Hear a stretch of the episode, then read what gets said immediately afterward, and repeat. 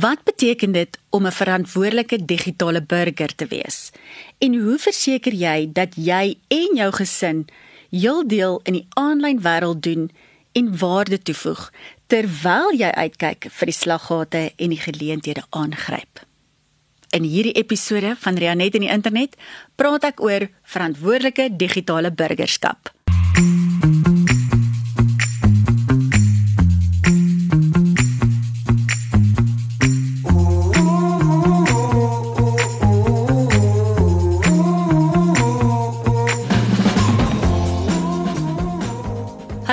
welkom by Rianet en die internet in samewerking met Marula Media.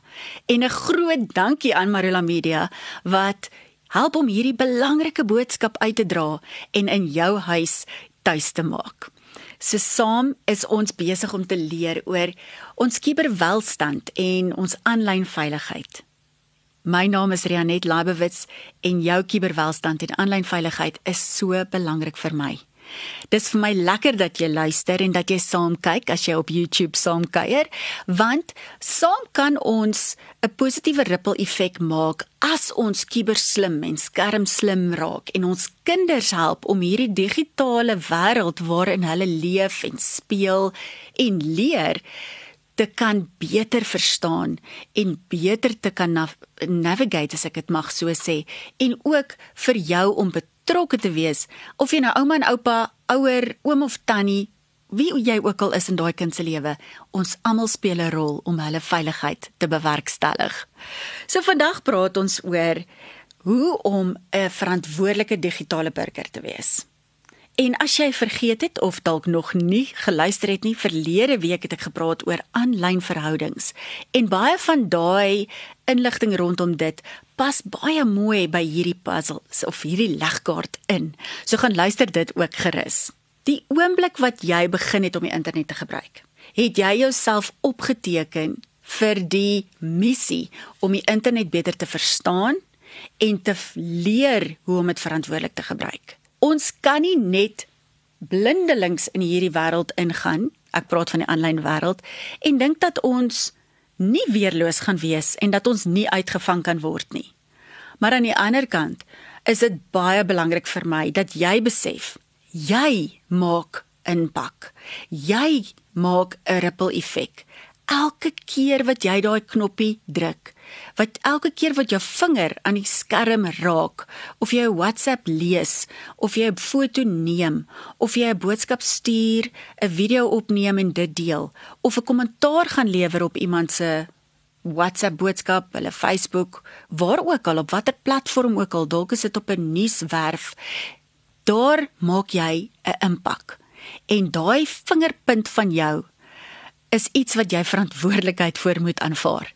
In die verlede het ons gesê die tong is so magtig en ons kan 'n hele veldbrand begin met die woorde wat ons spreek.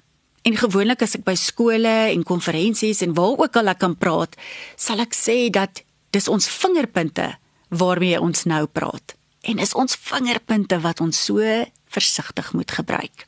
So die internet is soos 'n kuberhoofweg. Ek hou daarvan om dit te beskryf as 'n hoofweg soos wat ons nou op die pad sal ry.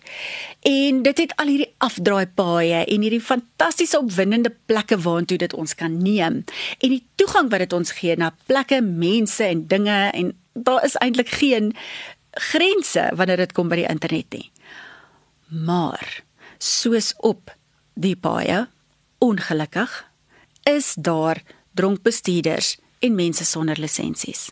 Nou op die Kiberhoofweg is die dronkbestuurders die kriminele. Daai mense wat van ons steel. Hulle wil data steel, inligting, partykeer jou identiteit om dan transaksies daarmee te kan doen en korrupsie en al die ander dergelike goed daarmee te doen. Natuurlik wil hulle partykeer jou foto steel, jou geld en soms ons kinders. Dan is daar die ander kant van mense wat nie lisensies het nie. En dit kan dalk ek en jy wees, want ons het nog nie mooi geleer hoe om veilig te reis op die internet nie of ons weet nie regtig hoe om hierdie ding te handhaaf en myself te handhaaf wanneer dit kom by sosiale media nie. Nou die digitale dilemma waarmee ons sit, is die feit dat daar nie reëls op die internet is nie. En as ma, as getroude vrou, as iemand in die werksomgewing en maak nie saak waar jy jouself bevind nie en veral as 'n kind van die Here, is dit soms uitdagend om te sien hoe gaan ek hierdie digitale dilemma van my kant af eerbaar kan hanteer en die uitdaging aanvaar en dit regkry. Maar ons moet besef dat hierdie digitale dilemma waarmee ons sit, word beïnvloed deur mense se regte, menseregte wat in elke land anders is en mense verwag dat hulle die vryheid van toespraak of freedom of speech, die vryheid van alles wat daar in hulle wetgewing en hulle menseregte stelsel sê, dat hulle dit mag toepas aanlyn. En wat vir jou reg is, is dalk vir daai persoon weg. En wat vir jou aanneemlik is, is dalk nie vir hulle nie.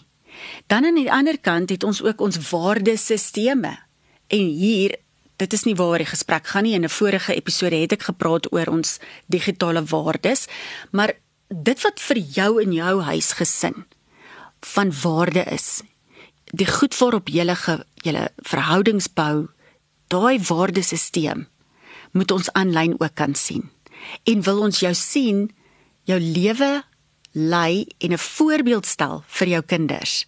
En wanneer ek jou in werklike lewe ontmoet, wil ek tog kan sê, ja, dit is jy. Ek erken jou vir wie jy is aanlyn en in die werklike lewe. Dis een dis een persoon en nie twee verskillende mense nie. En dan besef jy dat jy indirek 'n uitgewer is, 'n filmmaker, paparazzi. Ons almal is besig om deel te wees van 'n distribusiekanaal, 'n distribution channel. Want in die verlede kon ons sê die koerant word daar word artikels geskryf, dit word geredigeer, dit word goedgekeur. Ons weet dis waar want daar's 'n sekere standaard wat gehandhaaf word dit gaan deur die hele drukproses, dit gaan in 'n koerantformaat, die koerant word afgelewer, ons lees die koerant en ons weet dat dit wat daar staan is waar. Nou, deesdae is jy die persoon wat die skryfwerk doen. Jy is die een wat dit stuur en jy is die een wat op die einde van die dag mense gaan opsweep en angstig laat voel en dalk negatief maak oor die land waarin ons woon of die ander kant is dalk jy is dalk daai een wat hoop bring die een wat vir ons sê daar is nog 'n positiewe goue randjie om die donker wolkie en dat jy vir ons kan help maar wat ek wil hê jy moet besef is daai distribusiekanaal daai rol wat jy speel om die inligting te deel met ander mense maak jou verantwoordelik vir dit wettiglik verantwoordelik. En dit kan jou nogal baie baie in die moeilikheid laat kom. Ek het in 'n vorige episode gepraat oor jou digitale voetspoor en hoe ons dit bou en hoe ons kan gaan kyk na wat dit sê oor jou as mens. So vind daai episode en luister lekker saam. So, hoe moet ons onsself verantwoordelik aanlyn handhaaf? Wat is die stappe wat jy kan neem? Nommer 1 Is die beeld wat jy aanlyn deel eg en waar? Is dit jy of is dit foto's van so 10 jaar terug toe jy nou gedink het jy lyk mooi en ehm um, jy wil eerder nie hê mense moet sien hoe jy verander het nie? Of is dit iets wat ek as ek jou nou in die winkel rond raakloop dat ek weet, ah, daar is sy. Dis die persoon met wie ek so lekker aanlyn kuier. Dan die inhoud wat jy deel. Is dit waar of deel jy fop nuus? Ja, gaan soek die inligting wat jy so op WhatsApp ontvang voordat jy dit sommer net aanstuur asseblief.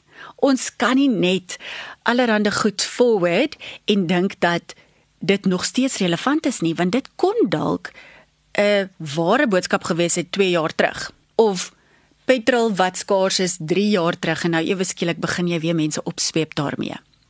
Nee, ons kan nie deel wees van die FOP nuus groep nie.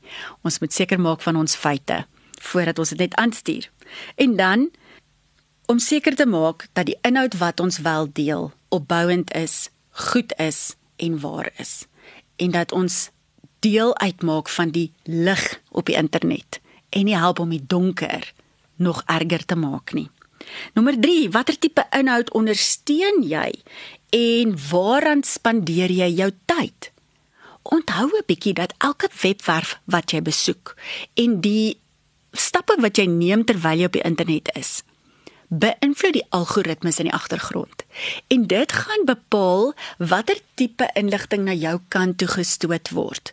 Daai pop-ups, daai YouTube videoetjies wat so langs die kant die hele tyd jou aandag trek en sê kyk vir my, kyk vir my, klik hier.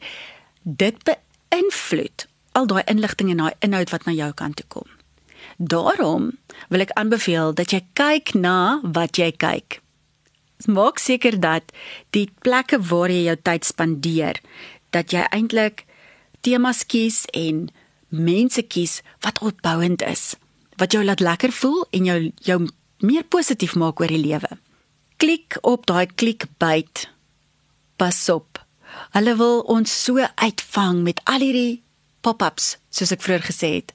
Maar eers wanneer jy geklik het, daai in oomblik wat jy geklik het, gaan jy allerhande ander goed kry wat met dit uit te maak het. Daai tema wat nie dalk van pas is nie.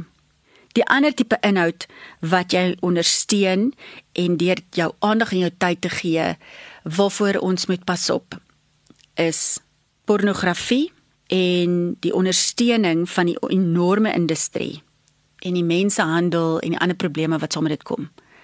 Ek het 'n episode daaroor gedoen en ek sal jou aanbeveel om dit te gaan kyk waar ek gepraat het oor skadelike inhoud.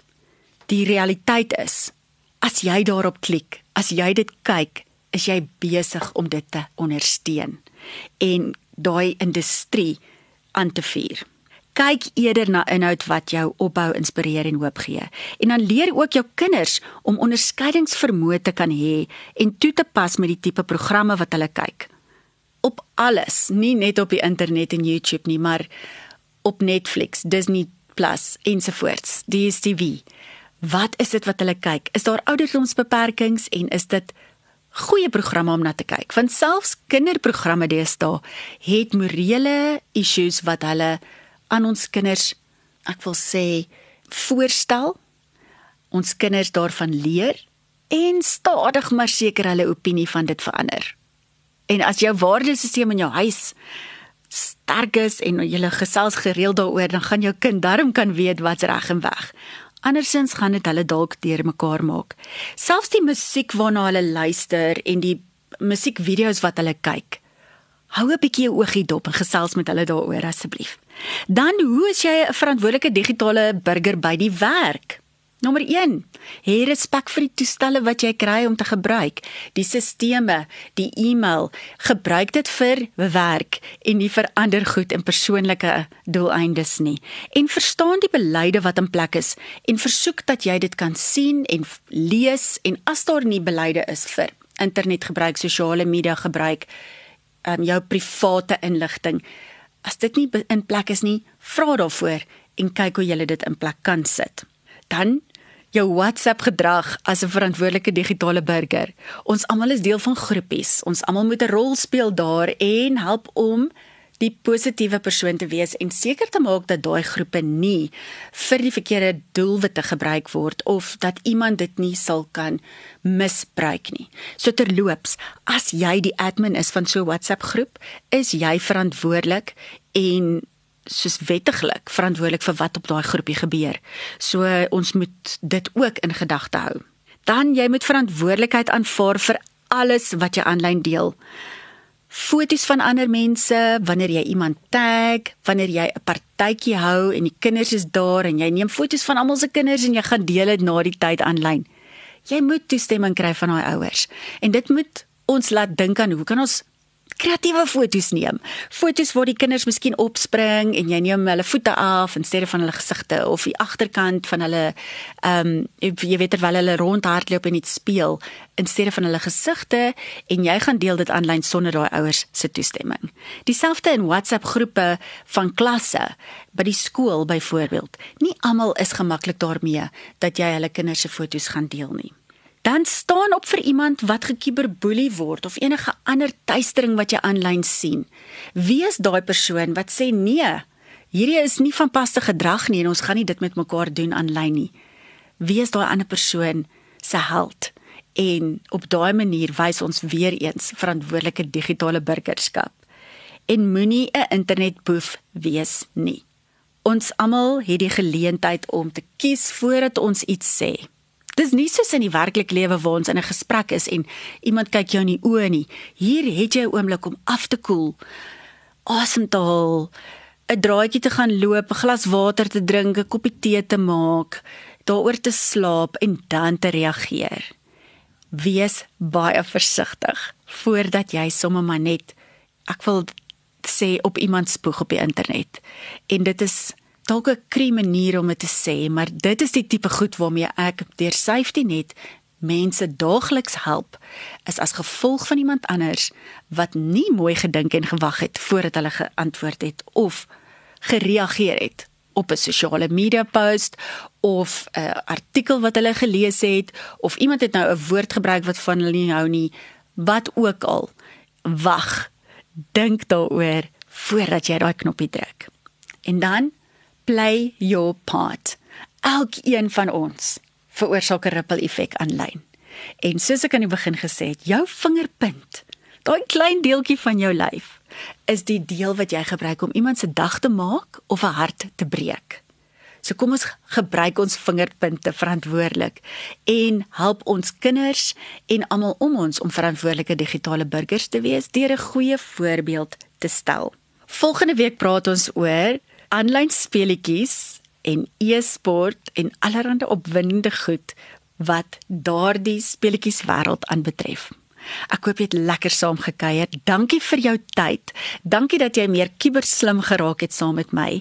En volg my asseblief op sosiale media by Cyber Wellness with Rianet. Ek's op Instagram en Twitter en LinkedIn, selfs op TikTok, Facebook en my webwerf is rianet.com. En daar het ek al die skakels wat jy nodig het om my boeke te koop. Maak jou kind skerm slim. Daar is 50 temas en dit wat ek deel met jou oor hierdie pot gooi en hierdie video is ook in my boek beskikbaar. Nou kom ons reis veilig op die internet. Ons skyn ons lig helder aanlyn en wees verantwoordelike digitale burgers.